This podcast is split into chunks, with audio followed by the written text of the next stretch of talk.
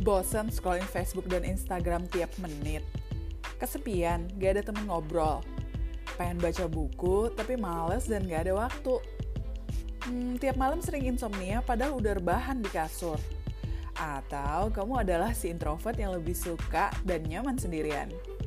Hmm, aku percaya setiap hal yang kita temukan bukanlah sebuah kebetulan, melainkan cara indah Tuhan untuk memberi makna baru dalam hidup kita. Melalui cerita-cerita menarik yang akan aku bagikan, mungkin aku adalah teman yang kamu cari selama ini. Welcome to my podcast, Bingka, Bincang Bersama Tika.